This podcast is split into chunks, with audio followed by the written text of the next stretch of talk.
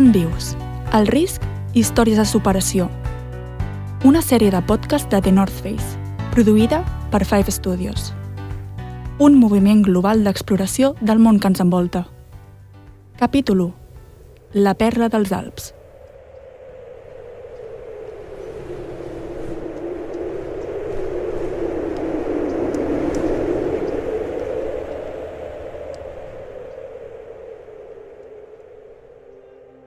Risc. Exposició a una situació en què hi ha una possibilitat de patir un mal o d'estar en perill. Diem que una persona està en risc quan es troba en desavantatge i en una posició susceptible de rebre una amenaça. Els esports més extrems com l'snowboard, l'esquí alpí i el freestyle tenen aquest factor comú, el risc. Molts ens podem preguntar per què hi ha tanta gent que decideix arriscar-se? O per què cada dia milers de persones decideixen posar en joc la seva vida, sabent que la poden perdre en qualsevol moment? Per a molts, l'esport és un eix central al voltant del qual es crea una comunitat. Comunitat que comparteix un mateix estil de vida, una forma pròpia d'expressar-se i uns valors comuns. És aquest sentiment de pertinença el que ha aconseguit que els esports de risc s'hagin popularitzat tant en els últims anys. Clar, si ens remuntem a la història, tots els esports de risc han jugat un paper molt important a la nostra societat. Sempre han estat una forma d'entreteniment. Per això, són els esports extrems els que més criden l'atenció i l'admiració a la gent. Aquells que els practiquen prenen una decisió. Abandonar el sentit de seguretat per endinsar-se en un món ple d'emocions intenses. Un joc intrigant i espectacular entre la vida i la mort. Intensitat, aventura, diversió, portat a un nivell superior, impulsat per la búsqueda incessant de rècords. Els esportistes es desafien constantment i posen a prova les seves habilitats, portant-les al límit. Però quin és el problema? Això pot arribar a esdevenir un vici preocupant, una cerca ambiciosa d'emocions fortes. En conseqüència, els amants del risc s'enfronten a amenaces que els fan vulnerables, sense tenir gaire marge d'acció. Un instant de mala sort pot canviar-los la vida en qüestió de segons. Un instant de mala sort és el que li va canviar la vida en Roger Puig. La història d'aquest esquiador andorrà és un exemple de com el perill pot guanyar la partida al risc.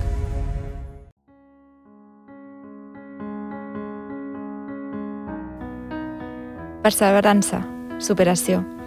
És un guanyador, en Roger. Des de ben petit, en Roger Puig ha estat un amant de l'esquí i la muntanya. L'andorrà apuntava maneres. Sempre ha estat un noi molt llest, molt constant i, sobretot, molt espavirat. Però també era, i és, molt tossut. Quan era petit vivia al Tarter, un lloc de muntanya. Juntament amb el seu germà, va començar fent esquí i natació a l'escola. Els seus pares van apuntar-los a l'esquí club. Al principi només per aprendre, per fer esport. Però com que coincidien en competicions, van acabar decantant-se per l'esquí, que exigia més hores i dedicació. En Roger sempre havia destacat com a esquiador alpí.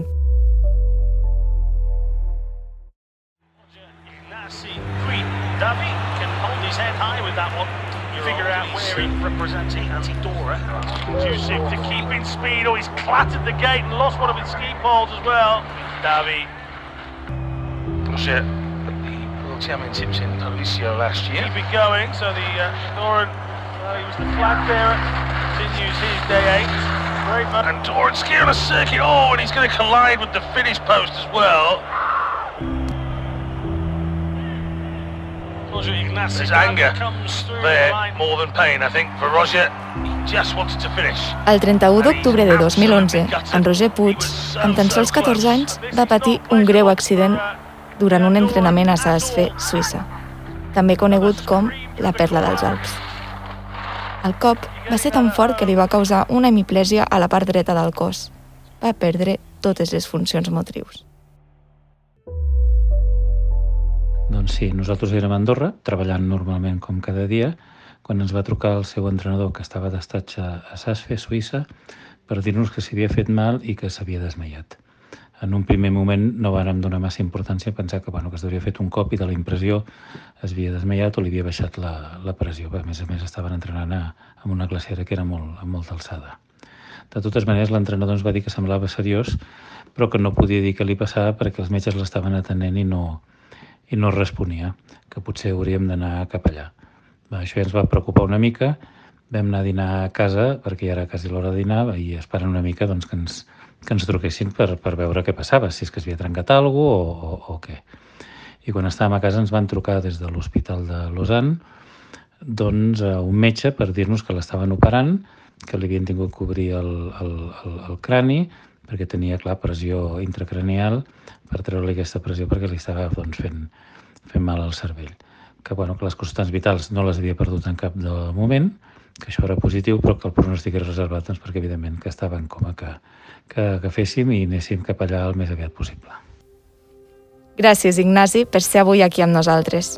L'Ignasi és el pare d'en Roger, però el seu paper va més enllà.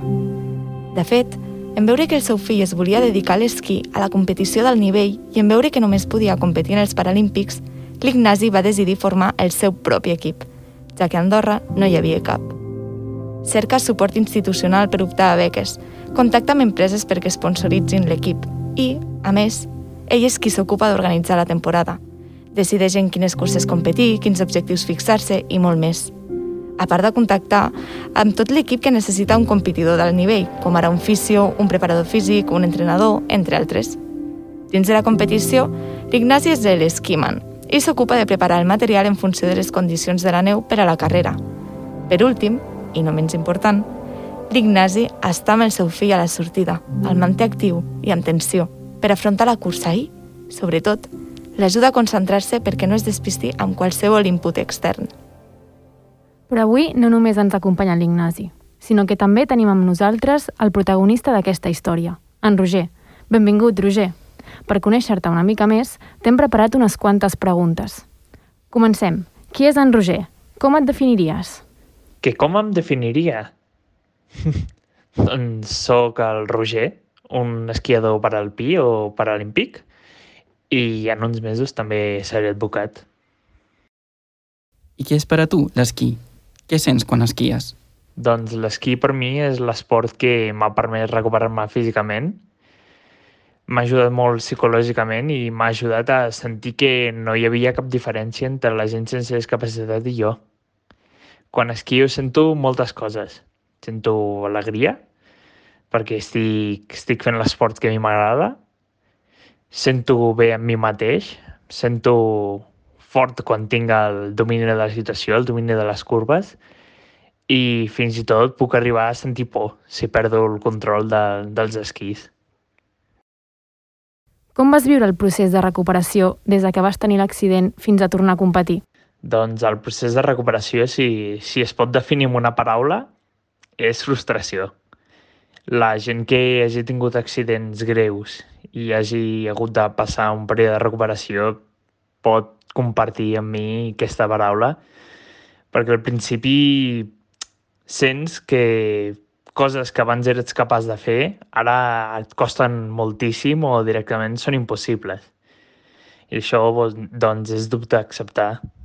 Amb el temps et vas adaptant a la nova situació i aprens a treure el millor del que vius. Aprens a conviure amb la discapacitat i fins i tot te'n rius d'ella. Què et motivava a tirar cap endavant per recuperar-te? Doncs el que em motiva per tirar endavant és tornar a la situació anterior, tornar a ser normal, entre cometes, on no tenia cap mena de problema físic i podia fer el que volia. Em, em motivava també a arribar a aconseguir resultats de l'esquí que abans aconseguia, abans de l'accident. En algun moment has hagut d'enfrontar-te a la por?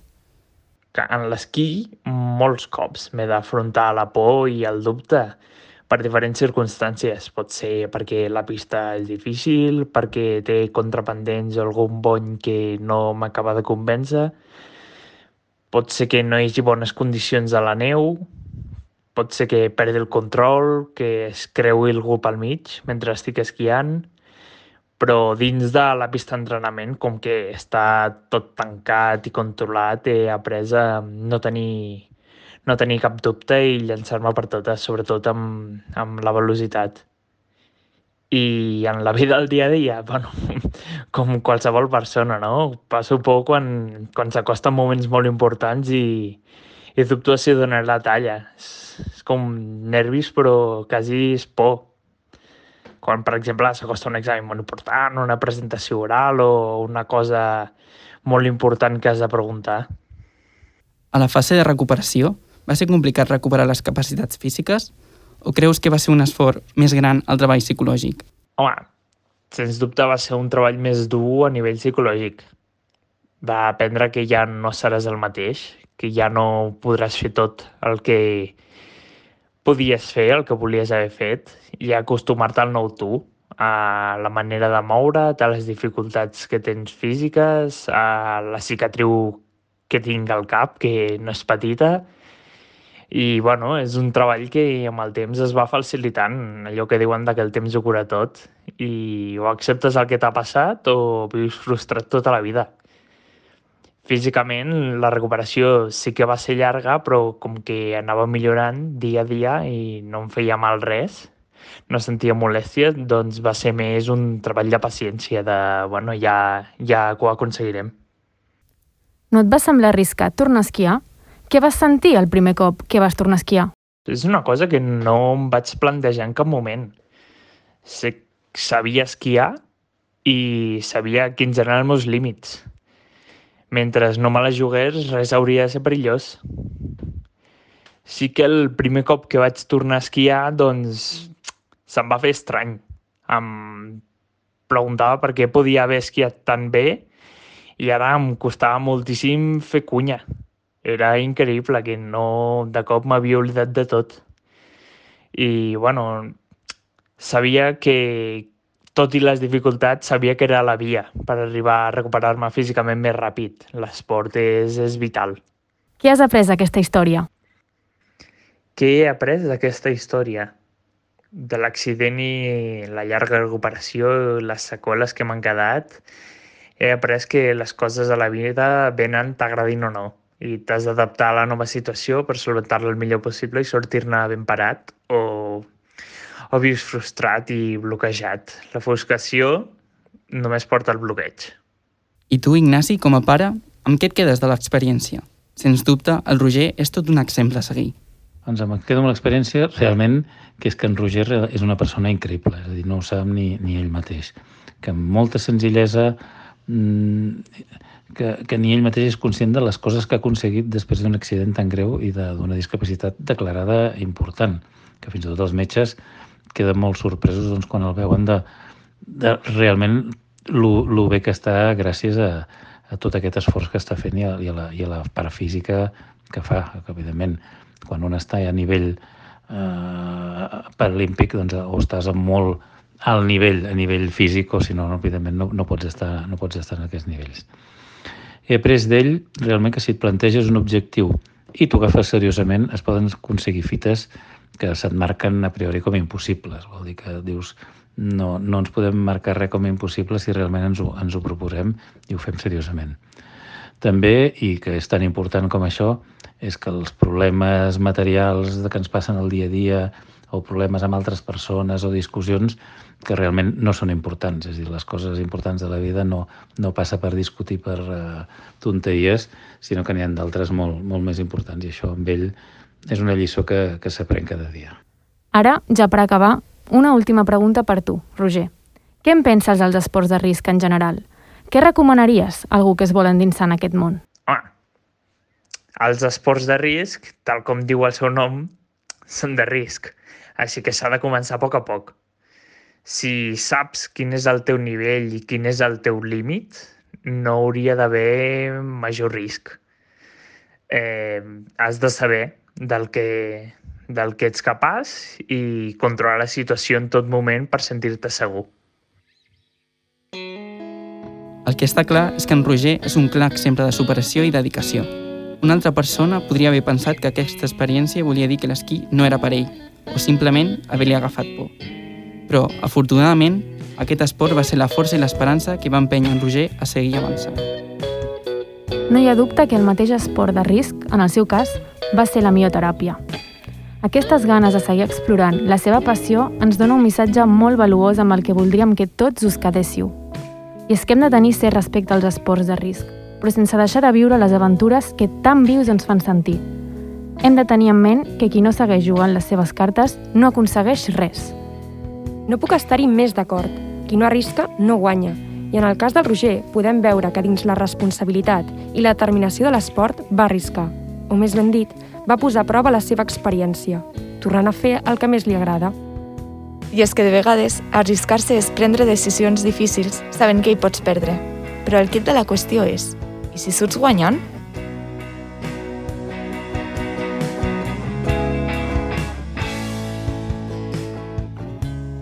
Ja per acabar, donar-vos les gràcies a tots vosaltres, que ens escolteu des de casa, des del treball, de camí a la feina o a la universitat. Segur que tots hem après alguna cosa d'aquesta crònica. Com sempre, podeu escoltar els nostres podcasts al perfil de The North Face, tant a Spotify com a iVoox, Podium Podcast, Apple Music, SoundCloud, Amazon Music i Podcast. A la línia del programa d'avui, la setmana que ve tindrem un altre convidat molt interessant que ens parlarà de la força mental que requereixen els alpinistes i els exploradors. La muntanya pot ser un indret verdaderament vertiginós, alhora que apassionant. Un cop més, gràcies a The North Face per fer-ho possible, perquè les històries que s'expliquen són tota una font d'inspiració. Gràcies de nou. Gràcies a tots. A reveure!